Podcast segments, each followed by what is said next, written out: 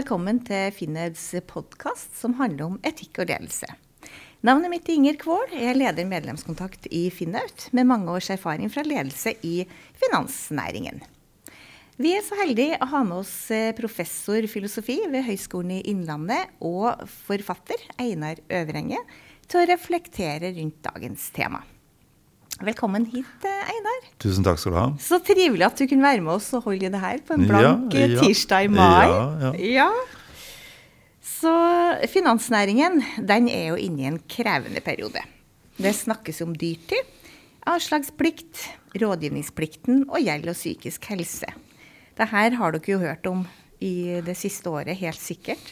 Og hvordan skal du da som leder navigere i det her landskapet av utfordringer, og ikke minst være en støtte støttespiller da, for dine rådgivere, dine medarbeidere. Eh, når du jobber i finansnæringen, så er du jo underlagt en profesjon. Og dermed òg en del forpliktelser i måten du kan opptre på. Og det er jo både egentlig på jobb og privat. Og en del av autorisasjonsordningen som vi har, og det er jo i alle ordninger eh, Grunnmuren vår er jo etikk, helt sentralt, og sammen med god skikk. Alt som leveres av kompetanse fra oss, har jo det her som en grunnmur og plattform. Og hva med deg som eh, leder og etikk? Så i dag skal vi bruke god tid på dette temaet. Og dersom du ikke har tatt inn over deg betydningen av etikken, så kan det være vanskelig å være en støttespiller. Det er det ene aspektet. Men hva med den fakta da, som går på det at det å være leder også har en tilleggsdimensjon i seg, rundt forvaltningen av lederskapet. Du har makt, du har mye ansvar, men du har også en selvpålagt begrensning ut fra rolle. Forstår lederen av det her da, Einar? Ja, jeg tror nok de fleste har et intuitivt forhold til at den rollen du har, bærer med seg noen krav, noen begrensninger, noe du må ta inn over deg. F.eks. ledelse. Det kan være helt eh, veldig lite subtile ting. ikke sant? Altså Hvordan du oppfører deg i forhold til andre mennesker osv. Vite at eh, som leder så kanskje legger folk mer vekt på det du sier, eller eh, det er ute etter noe bestemt, eller noe sånt noe. Og det som er sentralt i Nå skiller jo jeg mellom moral og etikk. Kan si at Moral det er de oppfatninger mennesker har om rett og galt. Og alle mennesker har nok en moral. Altså Alle mennesker har oppfatninger om rett og galt. Men det at du har en oppfatning om rett og galt, betyr ikke at det er en god oppfatning om rett og galt. Du kan ha en dårlig en, du kan ha en rufsete moral, du kan ha en, ja, kan ha en avskyelig moral. Det går fint an. Eh, så moral det er noe man har, og det er noe man ofte har blitt sosialisert inn i. Og ofte gjennom å ta etter det menneskene rundt deg gjør. Deres handlinger blir dine holdninger. Mm. Men vi er ikke fullstendig underlagt og styrt av dette her, fordi vi er også i stand til å utfordre disse da normene som vi har blitt sosialisert inn i. Mm. Og da driver vi med etikk. Og etikk det er noe vi kan gjøre. Vi kan gjøre det helt sånn bevisst, være veldig bevisst på det. Etikk er et fag man kan studere. og sånt. eller så kan man gjøre det litt mer intuitivt. Og de fleste har nok den etikken litt sånn intuitiv i seg. Det er veldig mange som tenker at som leder så kan jeg ikke gjøre sånn. Eller mm. som leder må jeg være litt oppmerksom på det. Som leder må jeg være, ta et visst ansvar. Som leder er det noen krav og begrensninger som gjelder for meg, som ikke gjelder for andre. Fordi jeg har noe makt og har en posisjon, eller andre har bestemt type blikk på meg, som, som uh, som blir noe jeg må reflektere over. Samme er det å tilhøre en profesjon, f.eks. også. Rørlegger eller lege eller altså, altså mm. så I kraft av en profesjon så må jeg være litt mer sånn aktsom. Og mm. da og så kan man være mer bevisst å gjøre dette her, og bruke noen klare etiske prinsipper. og sånt. Da er det mer systematisk jobb med etikk. Men jeg tror egentlig at alle har, veldig mange i hvert fall, har den tenkemåten i seg Mm. Hvis vi da snakker om ledelse, så sier jeg at mm. ok, som leder så må jeg være litt mer bevisst. Og etikk, det handler om å det er, pålegge seg selv krav og begrensninger som typisk går lengre enn det loven krever av oss. Mm. eh, at det er noe mer. ikke sant? Mm. Eh, en leder kan si at det er ikke forbudt å ha disse menneskene som venn på Facebook, men det føles ikke veldig profesjonelt, f.eks. Altså, mm. og, og der pålegger man seg selv krav og begrensninger. Så etikk det har å gjøre med hvordan man styrer seg selv. Mm. Mens moral, da overtar man en del normer ute i samfunnet, så lever man etter det. Men så tenker vi at jeg kan overprøve disse her. For jeg kan ikke bare gjøre som alle mennesker, andre mennesker gjør. Ja, vi krever mer av hverandre. Altså, I visse situasjoner så ja, er det riktig å gjøre sånn. Og da er man over i etikk. Så det tror jeg ledet til en viss grad har i seg. Mm. Men du kan jobbe mer systematisk med det. Jeg tenker jo litt på det vi sa innledningsvis i podkasten, det med at vi, er, vi, snakker mye om dyrtid, rådgivningsplikt, avslagsplikt. Det er ganske mange tunge, litt sånn negativt lada ord, kanskje. Mm. Mm. Og i den forbindelse og ledelse så kan du jo bli utfordra i ulike typer etiske dilemmaer som du ikke har sett før. Det kan dukke opp nye etiske dilemmaer med, i, som, gitt at den tiden man lever i, eh, rommer forskjellige typer utfordringer. For med en gang vi snakker om finans, da, mm. så det, vi snakker jo ikke primært om penger. Vi snakker om uh, familie, vi snakker om barn, vi snakker om bolig, vi snakker om fremtid, vi snakker om utdanning, vi snakker om trygghet. Altså vi snakker om alt dette her. Det er det det handler om. Eh, Iallfall for mennesker flest. Og mm. det kan jo tenkes i dag at det er større grad av utrygghet i samfunnet eh, i forhold til eh, fremtid. Altså vi har vel levd i ganske lenge hvor vi har tenkt at eh, fremtiden blir bare bedre og bedre. ikke sant? Mm. Eh, og nå er nok ikke det opplevelsen eh, Man ser en del sånne undersøkelser som viser at rundt omkring i verden, da, fra USA f.eks., om at oppfatningen har lenge vært at mine barn kommer til å få det bedre enn meg. Men det er grunn til å tro at vi ikke ser på det akkurat på den måten at, jeg, at jeg frykter at mine barn får det verre enn meg. Mm. Og det er et dramatisk eh, skille. Så med andre ord, det, det skjer noe ute i, samfunn, ut i samfunnet som virker inn i den bransjen vi er i, som også da automatisk vil få betydning for leder, lederne i den bransjen. Mm. Altså på alle nivåer. Mm. Jeg sitter og reflekterer over det med å være leder for min del, da, som har uh, jobba som leder lenge, og så blir en da leder for uh, ungdommen, altså nyutdanna, 23 år, mm. som absorberer samfunnet litt differensiert enn hva jeg gjorde sjøl da jeg var 23 år. Ja. Og komme ut i verden, og da, for da skulle jo alt bli bare bedre. Ja. Og så er vi i en situasjon nå der mm. det er mye som ikke oppleves som blir bedre. Mm. Det kan jo være et sånn dilemma for leder å se den sin medarbeider, og løfte den medarbeideren til tross for litt utrygge tider. da.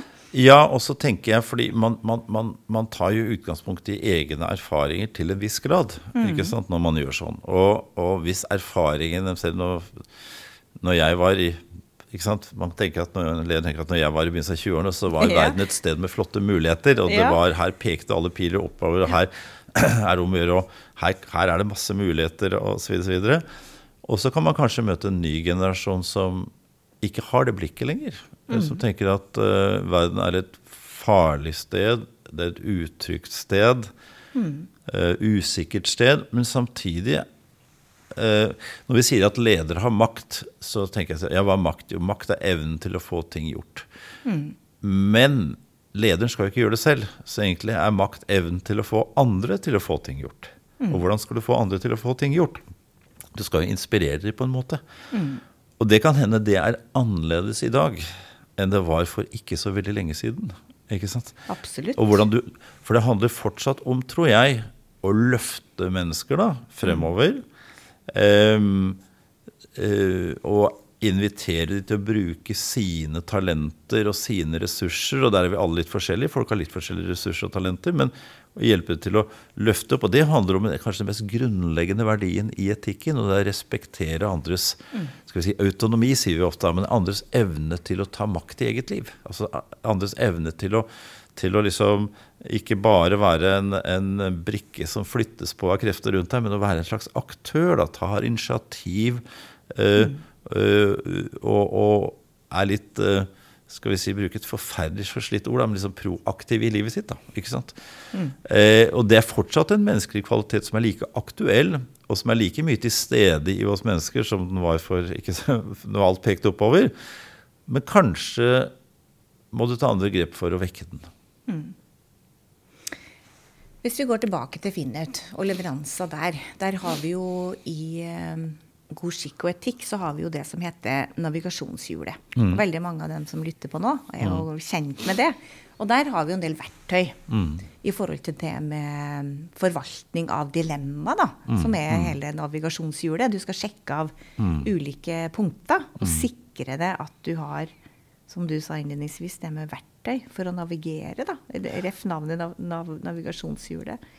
Um, der har vi jo et prinsipp da, som heter likhetsprinsippet.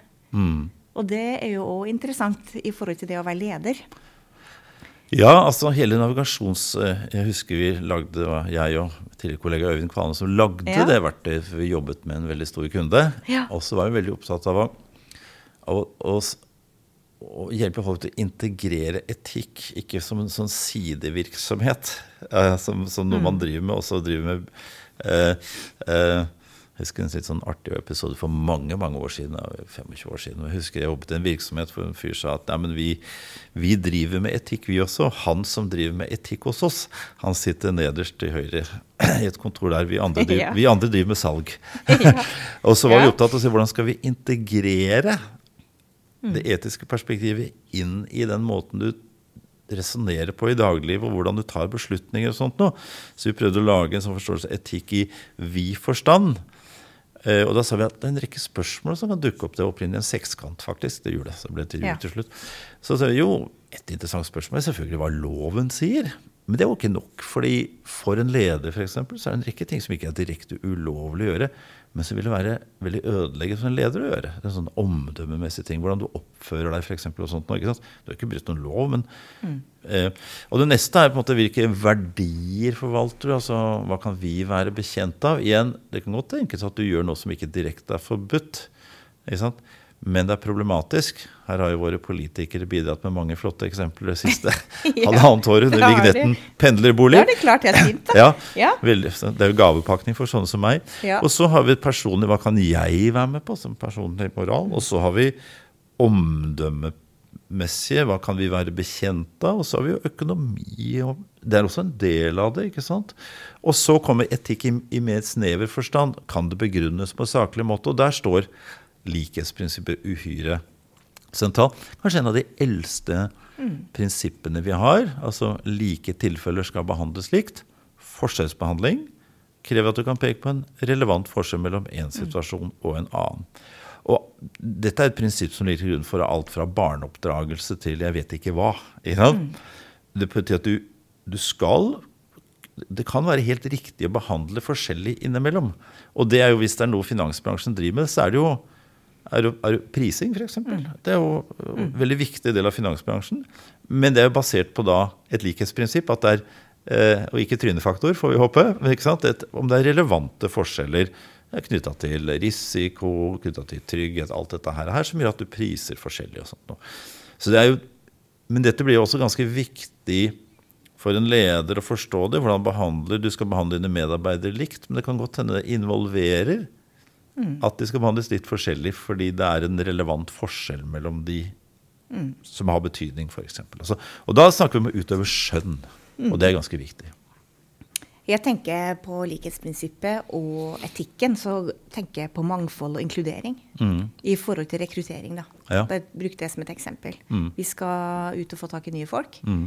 Og hvordan kan vi styrke um, verdien, eller jobbe mer aktivt med mangfold og inkludering ved nettopp å bruke likhetsprinsippet. Og ha den liksom i ryggraden når du forvalter søknader til en stilling, f.eks. Ja, det er ganske viktig. Og så prøve å utfordre sine egne umiddelbare sant, reaksjoner.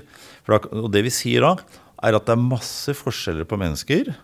Men de fleste av de forskjellene der er irrelevante. Ikke sant? Altså, vi tenker at kjønn er en forskjell. Men den, vi tenker at i en hel masse sammenhenger er den irrelevant i forhold til å søke jobb. Mm. Men det er en forskjell. Eh, etnisk tilhørighet, eh, religion, politisk altså Alt dette tenker vi jo masse forskjeller her. Talenter, ressurser osv. Og, og så sier man at det er noen forskjeller som er relevante, og det vil typisk være kunnskap og kompetanse. Altså dokumenterbare forhold. altså at uh, Det er det man jakter på. og Så sier man at vi skal, vi skal, ha de som er flinkest i et eller annet, eller sånt, noe som er noenlunde målbart. Og så sier man at andre forskjeller er irrelevante i forhold til de forskjellene. Og så er det jo sånn at vi mennesker har en tendens til å reprodusere det vi selv står for. Altså vi, ja. vi, vi leser verden med et bestemt type blikk, og det gjør alle mennesker, og det blikket er farget av litt hvor du kommer fra. Mm. Så det er en utfordring, og det er ikke bare en utfordring for norske nordmenn i Norge, det er en utfordring for absolutt alle mennesker hvor nå det enn måtte være i verden. Så første mm. eh, jeg holdt på å si Førstevalget kan fort bli noe du allerede identifiserer deg med. Og så kan man si at eh, det er litt dumt, for da kan det godt hende du går glipp av noen talent og ressurser som uh, vi har stor grad av behov for, uh, men du ser det ikke. Mm. Og da tenker jeg at jeg tror veldig mange som lytter nå, kjenner seg litt igjen. Mm. Når vi sa akkurat det der med at det er sånn komfortabelt å finne noen som ligner på deg sjøl. For da vet du jo akkurat hva du skal gjøre med den personen for å løfte, være proaktiv, utvikle, skape vekst. Og, og fordi det, at du kjenner deg sjøl best og ser at nei, men ja. det her funker jo for meg. Og, og det, det, det, er viktig at vi ikke liksom mistenkeliggjør dette her som noe. Det er ikke det. Mm. Samtidig så kan vi si at det er ikke nødvendigvis noe vi skal mistenkeliggjøre. Men det er et trekk ved det å være menneske, og det trekket ved mennesket det vil du finne i enhver kultur og til enhver tid. at til viss grad. Men så kan vi tenke at kanskje du skal forsøke å utfordre det litt. Og da driver vi med det etikk handler om. For etikk det handler ofte om å ta et skritt til siden. Og jeg pleier ofte å si at en av de eldste grepene i etikken som vi kjenner til, det er du stiller spørsmålet hva om noen hadde gjort det mot deg. Altså at du, du, du, setter deg, du, fjerner deg fra ditt eget perspektiv ved å tre inn i et annet perspektiv eller en annens perspektiv. Og så betrakte jeg selv fra det perspektivet. For mm. Ofte så må vi ha litt avstand for å forstå oss selv. Og det, da skaper vi avstand ved sånne tankeeksperimenter for å korrigere oss litt. Fordi vi er ikke bare styrt av lover og regler og sanksjoner utenfra igjen. Vi styres primært av vår egen frihet og evne til å ta valg og beslutninger.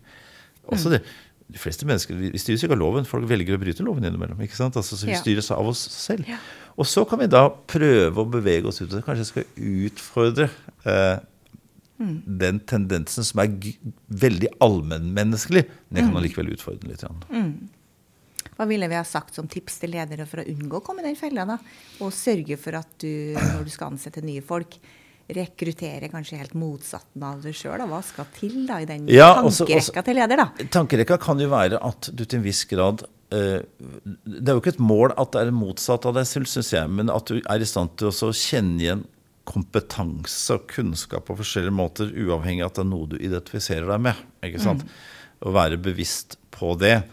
Uh, dette starter jo allerede ved navn. Eh, og ja, da viser seg at mennesker, mennesker mm. har jo endra navn og søkt jobb og, og, og, blitt invitert til intervju.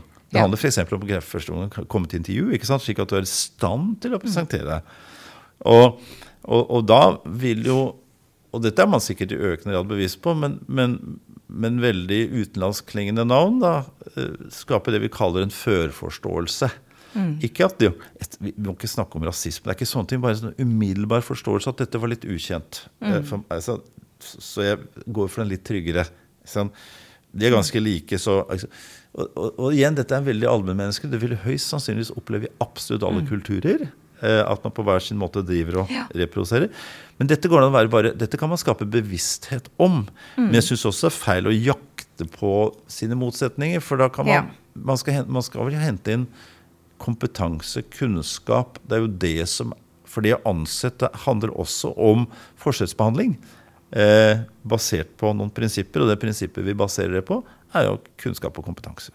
Mm. Den som er best, får jobben. ikke sant? Mm.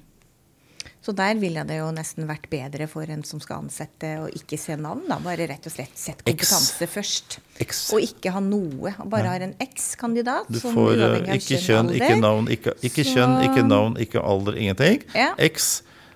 Uh, at, at, det fins noen som kjenner mm. til det, men det papiret du får, ja. står det X. Ja. Så står den og den kompetansen. Mm. Antakeligvis et ganske godt grep. For da mm. er du bevisst på at man skal også være veldig bevisst på at man blir påvirket. Ja. Eh, selv om man sier man ikke blir det. Mm. Jeg skal i gang med å eh, rette eksamensoppgaver eh, i dag, faktisk. Og de er anonyme. Og det er en grunn til det. Det er nettopp det. Ikke sant? Og, det, og alle mennesker blir påvirket. Uansett hvor de bor og er i verden. Vi blir påvirket av noe, og det vi påvirkes av, det vi det vi identifiserer oss med. Sant, sympati, antipati og alt dette her. Mm. Så det hadde vært mye bedre om du ikke visste noe om det. Så at her er det også neste runde intervju. Fint, da møter du kandidaten, mm. og sånt, men da kan du kanskje ja. allerede ha skapt et annet inntrykk. Så, og det er ganske viktig. Og jeg tenker jo også i en uh, ansettelsesfase så bør jo det være relativt sett lett å få til. At den som skal ansette, ikke blir gjort kjent med alle kjønn navn. Det burde være mulig å lage et eh, sekretariat som bare setter opp, som ut, så setter opp et kandidatnummer, som mm. vi har på universitetet. Mm. Setter opp et kandidatnummer. Dette er mm. kandidaten. Ja. Um, og det var en sånn artig ting før, fordi nå svarer jo selvfølgelig alle på å skrive på med computer. ikke sant? Men i gamle dager så skrev folk, og jeg sitter og retter eksamener nå i 25 år, mm. så jeg vil tok det omtrent på to sekunder om det var en besvarelse skrevet av en mann eller en kvinne. Ja, fra håndskrift. Du ser det med en gang. Du ser det med en gang. ja. kvinner, kvinner skriver leselig, men gjør det ikke. ja. Det å forvente at en leder skal opptre rettferdig. Det er litt sånn tilbake til det vi innledningsvis ja. sa med likhetsprinsippet. Ja. Det er en del forventninger i den profesjonen som ledelse innehar, at du skal opptre rettferdig. Og hvis du ikke gjør det, så skal det være en ulikhet som du kan fortelle hvorfor som du kan begrunne. Sånn. Som, som, du kan, begrunne. Ja. Og det skal kunne begrunnes Så det høres jo lett ut, men det er jo ikke, det er jo ikke lett. Nei da, ikke sant. Fordi det er så mye sånne små nyanser underveis her. og det er mye mm. sant, foregår, og det er fordi det handler om relasjoner mellom mennesker. Og du skal jo ikke være, du er ikke en maskin. Nei. Så du skal jo være personlig, menneskelig osv. Og, så og så er det noen gang sånn at vi mennesker vi har forskjellige opplevelser av andre mennesker. Og hvis en leder liksom skal ha troverdighet, så må man vise frem noe av mm. hvor man er. Ja.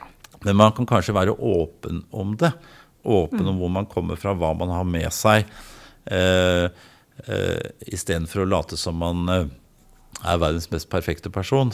Uh, ja. ikke sant? Så, så, så, du kan jo si at sånne etiske prinsipper de er jo ikke, de er jo ikke regler og de er ikke algoritmer, eller noe sånt, men det skal hjelpe oss.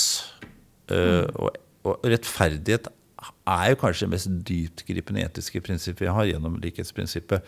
Mm. Altså, Nesten uansett hva du tar tak i, så berøres det eh, prinsippet der. F.eks.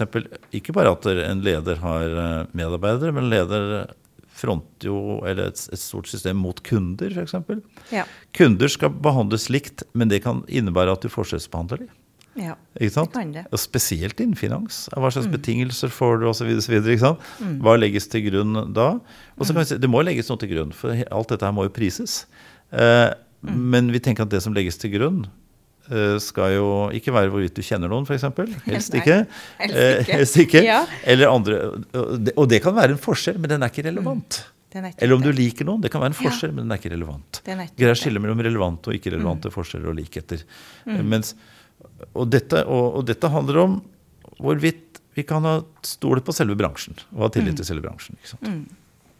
Og det med tillit, det er jo hvis vi glir litt over til neste mm. tema som vi tenkte vi mm. skulle snakke om i dag, da, ja, ja. det er jo tillit. Og en ansvarlig finansnæring med bred tillit er jo en forutsetning mm. uh, for at vi skal fungere som et moderne, velfungerende samfunn. Ja. Det er jo tufta på tillit. Og det blir jo, går jo aldri av moten å ha tillit. Nei, og det, det, er et begrep jeg jobber mye med etter hvert. For begynner, man begynner å snakke om tillitsbasert ledelse og sånt. Og da tenker jeg ja, i motsetning til hva da, holdt jeg på å si? Er det ja, å tenke seg, ikke tillitsbasert ledelse. Ja, det er det. Og da er du over i da er du rent kontroll. Ja. Og, det funker dårlig. Det liker jeg ganske dårlig. Men det jeg er opptatt av, er at det er veldig vanlig å si i dag at vi skal ha tillit til våre myndigheter, vi skal ha tillit til staten, vi skal ha tillit til lederne. Ok, Så tenker jeg ja, i og for seg, jeg skjønner hva som sies. Men jeg tenker jo at det egentlig også skal andre, andre veien. Eh, og, og, da skal jeg forklare det, det med utgangspunkt i hva jeg legger i tillitsbegrepet. Vi filosofer driver og tolker begreper stadig vekk. Mm. Og en vanlig forståelse av begrepet om tillit det er at det er tre momenter til stede der.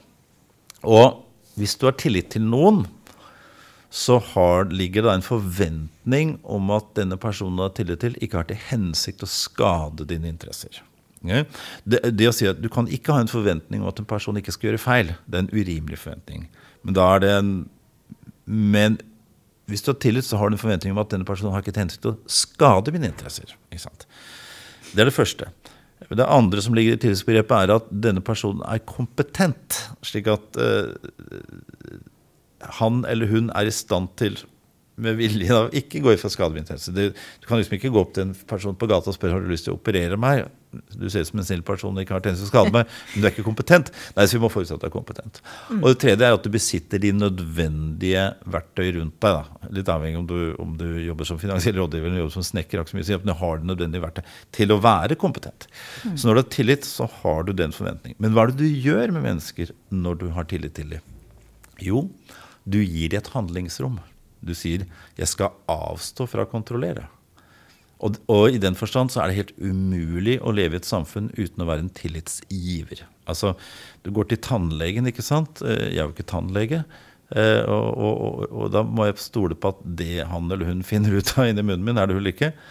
Ja. Mm. Så jeg gir den personen et profesjonelt handlingsrom. Går til legen. Jeg er jo ikke lege, jeg er doktor i og for seg, men det blir ikke det samme. Eh, og, og da gir du et handlingsrom. Eller når mine barn skulle, i gamle dager skulle på skoletur med klassen og kjøre buss, så kunne jeg stilt opp selvfølgelig og sjekka om bussjåføren hadde førerkort, var edru om bremsene virka. Men hvis alle skulle gjøre det, så hadde det ikke blitt noen busstur den dagen. hadde tatt for mye tid.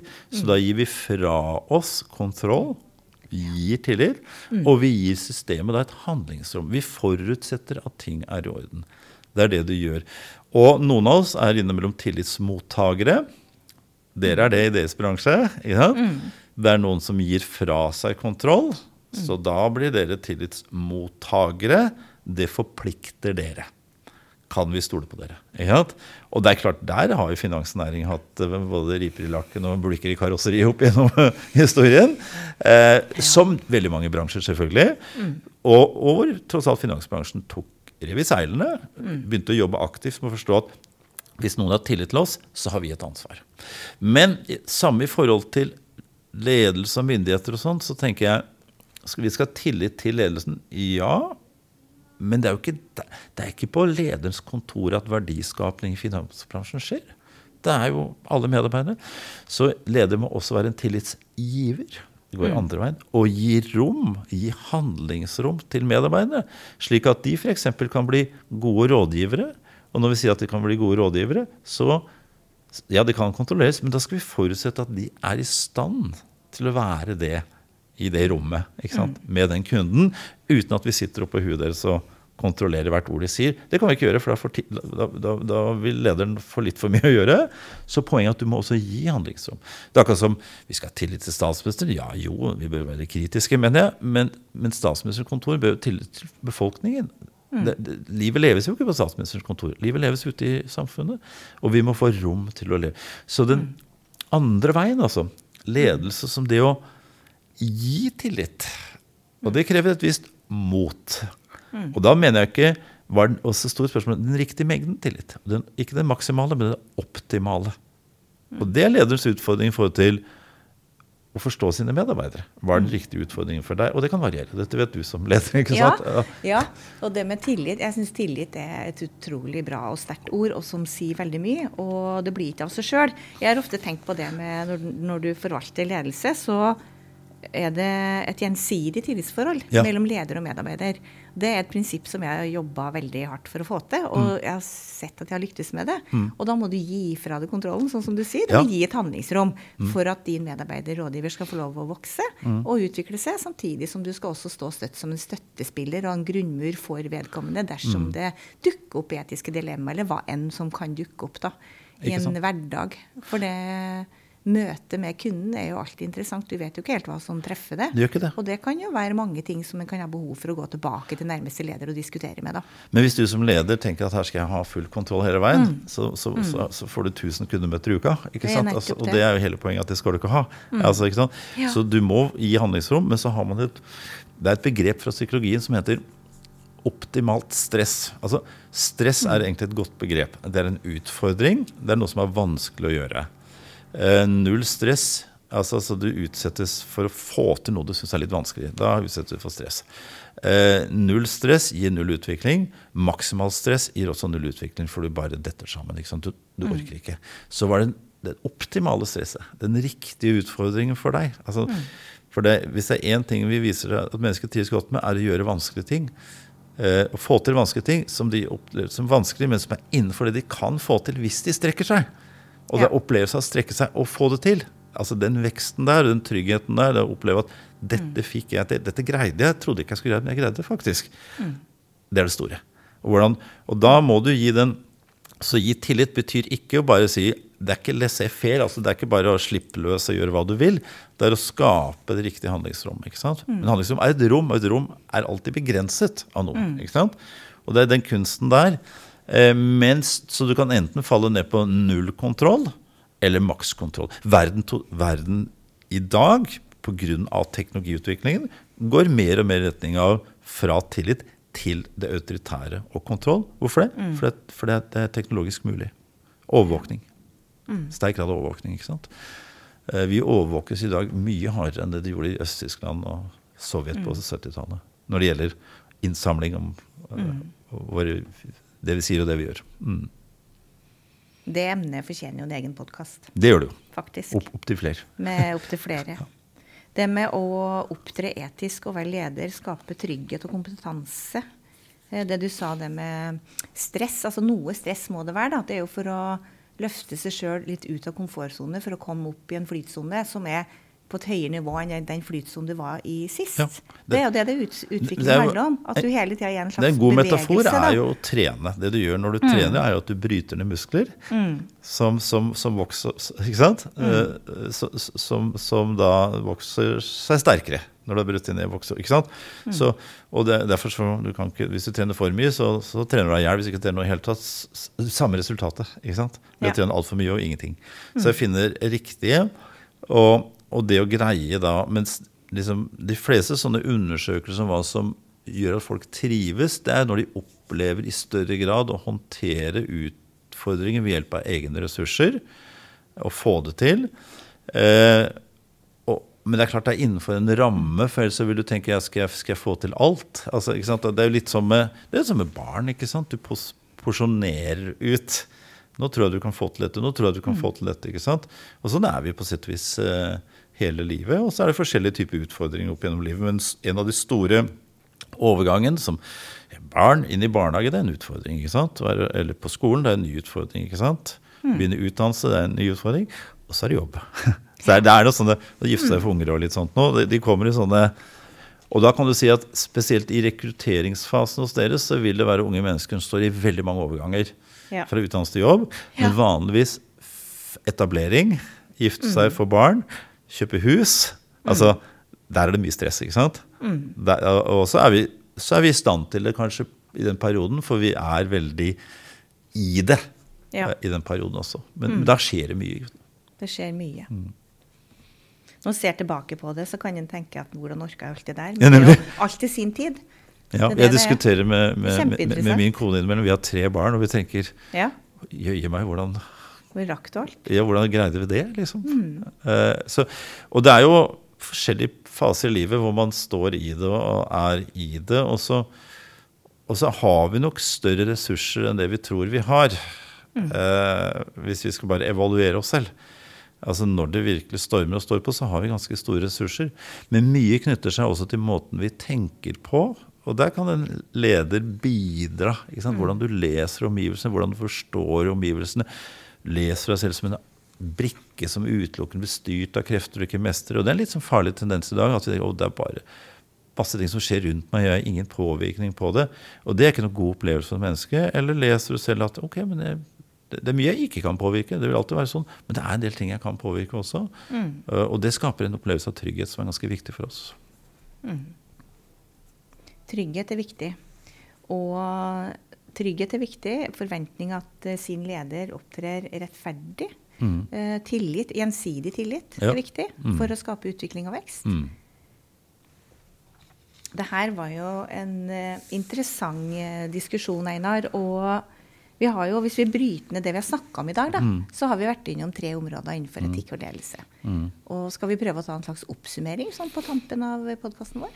Ja, altså det handler jo om hvis, hvis, hvis, hvis publikummet vårt er leder, ledere, mm. og det er det jo. Mm. Så kan man si hva, hva handler etikk om? Og han, etikk handler om å pålegge seg selv både krav og forventninger. Det handler om selvstyring. Eh, krav og forventninger som, går, som er profesjonelt betingede. Det går lenger enn det loven krever av oss. Mm. Men det handler innsikt ja, hva handler ledelse om? Ikke sant? For da bærer dine tanker om hva ledelse handler, handler om, det bærer med seg de, de kravene du stiller til deg selv, de begrensningene du har til deg selv, eller legger på deg selv, og de eh, forventningene du har. Og etikk handler om det, og da kan vi si at vi har pekt på noen begreper. Rettferdighet mm. Betyr ikke å behandle alle likt, men det behandler til, like tilfeller likt. At du greier å skille mellom relevante og ikke-relevante forskjeller og likheter. Det handler om tillit, det å forstå at du er en tillitsmottaker, men at du i like sterk grad er en tillitsgiver. Og at det handler om å gi folk et rom til å utvikle seg. Og være med å definere det rommet er kanskje ikke minst viktig. Altså, hvor stort er det rommet? ikke sant? Og så, så, så, man skjønner at her har jeg et rom for å utvikle meg. Mm. Bra oppsummert. Eh, tusen takk, Einar. Du har jo delt betraktninga om etikk og ledelse i dag. Og eh, vi håper vi at vi har truffet mange lyttere. Og det er mer fagstoff om etikk eh, finnes jo på Læringstorget hos Finnaut. Mm. Og eh, denne og andre podkaster finner du i Spotify eller Apple Podkast eller på finnaut.no. Så takk for at du har lytta. Takk, takk.